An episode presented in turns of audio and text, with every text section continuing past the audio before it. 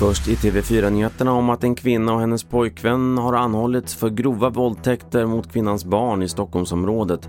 Det rapporterar Aftonbladet. Enligt uppgifter till tidningen upptäcktes och polisanmäldes brotten när en närstående till barnet råkat se en konversation i en av barnets mobilappar. Tidningen har varit i kontakt med försvararna men inte fått veta hur deras klienter ställer sig till anklagelserna.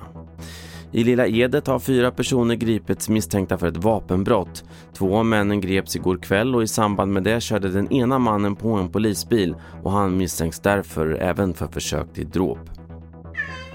Och sist om att forskningen kring katters sätt att kommunicera tilldelades årets Ig Nobelpris, alltså det alternativa Nobelpriset i kategorin biologi.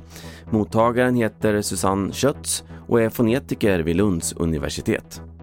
Jag har försökt använda ett fonetiskt alfabet för att skriva ner vilka vokal och konsonantliknande ljud som finns i ett jamande till exempel. Miau är ju inte alla jamanden som låter, det finns mycket variation där till exempel. Fler nyheter hittar du i vår app TV4 Nyheterna. Jag heter Carl-Oskar Alsen.